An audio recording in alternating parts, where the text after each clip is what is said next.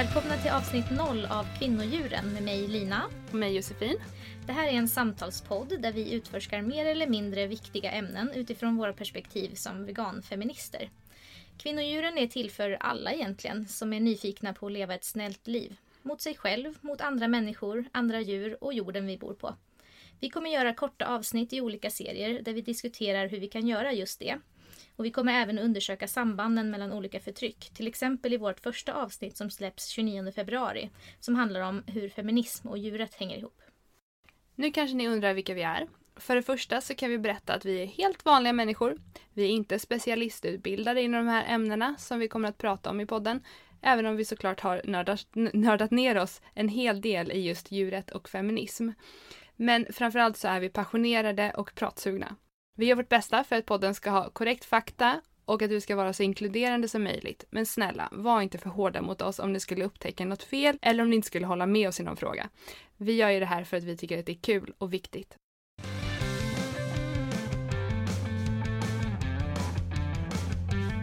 Okej, ska vi ta och presentera oss lite snabbt?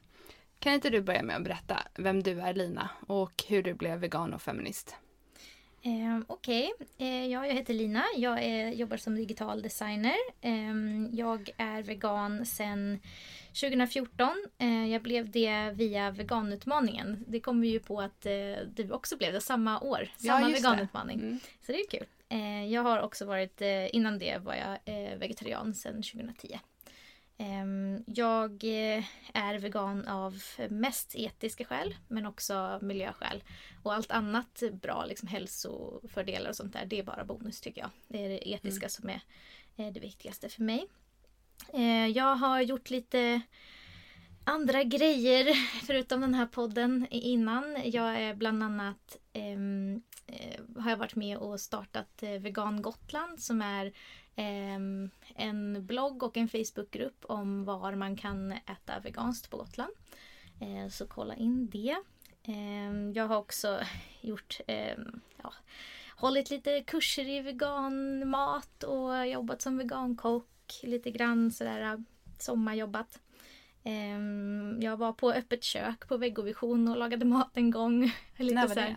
Det här var typ 2015 eller 2016 tror jag ja, försökt inspirera folk till att eh, göra gröna val, eller vad man ska säga, eh, på massa olika sätt.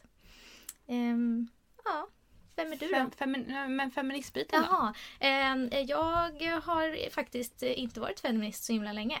Eh, jag har alltid liksom, jag har inte varit anti feminism men jag har liksom tyckt att andra saker har varit mycket viktigare. Eh, och jag vet att jag fick massa skit för det eh, när jag gick på folkhögskola 2012.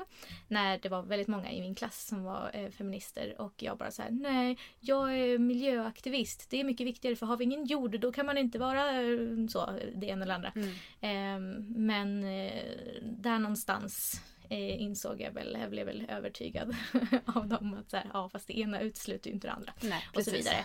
Eh, så så var det med det. Ja, du då? Ja, eh, jag heter Josefin. Jag är frilansillustratör och designer. Jag har två barn, bor i Stockholm. Eh, och jag har ju varit eh, lakto-vegetarian sedan jag var 11-12 år. Jag slutade äta korv redan när jag var fyra för att jag fick veta att själva skinnet var gjort av inälvor. Och det lät ju väldigt snuskigt tyckte jag. Um, men det var ju bara korv då.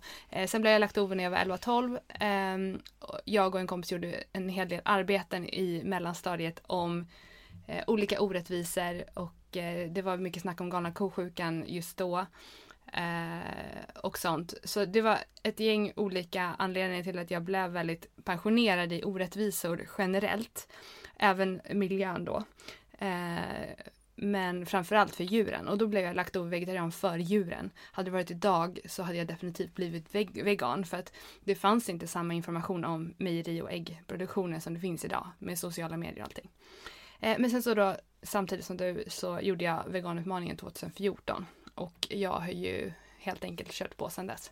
Men det är först de senaste ett, två åren som jag har börjat jobba mer aktivt med att vara, prata öppet om att jag är vegan och vill vilja inspirera andra. Eh, och jag har ju då bland annat startat Veganpäronpodden som är en podcast för just veganföräldrar som ni också kan kika in.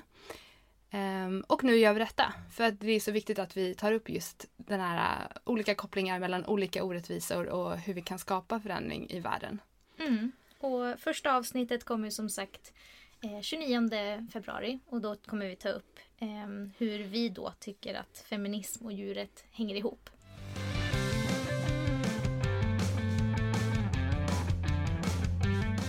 Om du vill få notis när vi släpper nya avsnitt eller se behind the scenes-bilder eh, från Josefins lilla skrubb där vi just nu sitter och spelar in det här så kan du hitta oss på Instagram eller Facebook. Där heter vi Kvinnodjuren. Och ni kan också mejla oss på kvinnodjuren.gmail.com om ni har åsikter, frågor eller tips till oss. Hoppas vi ses i avsnitt 1!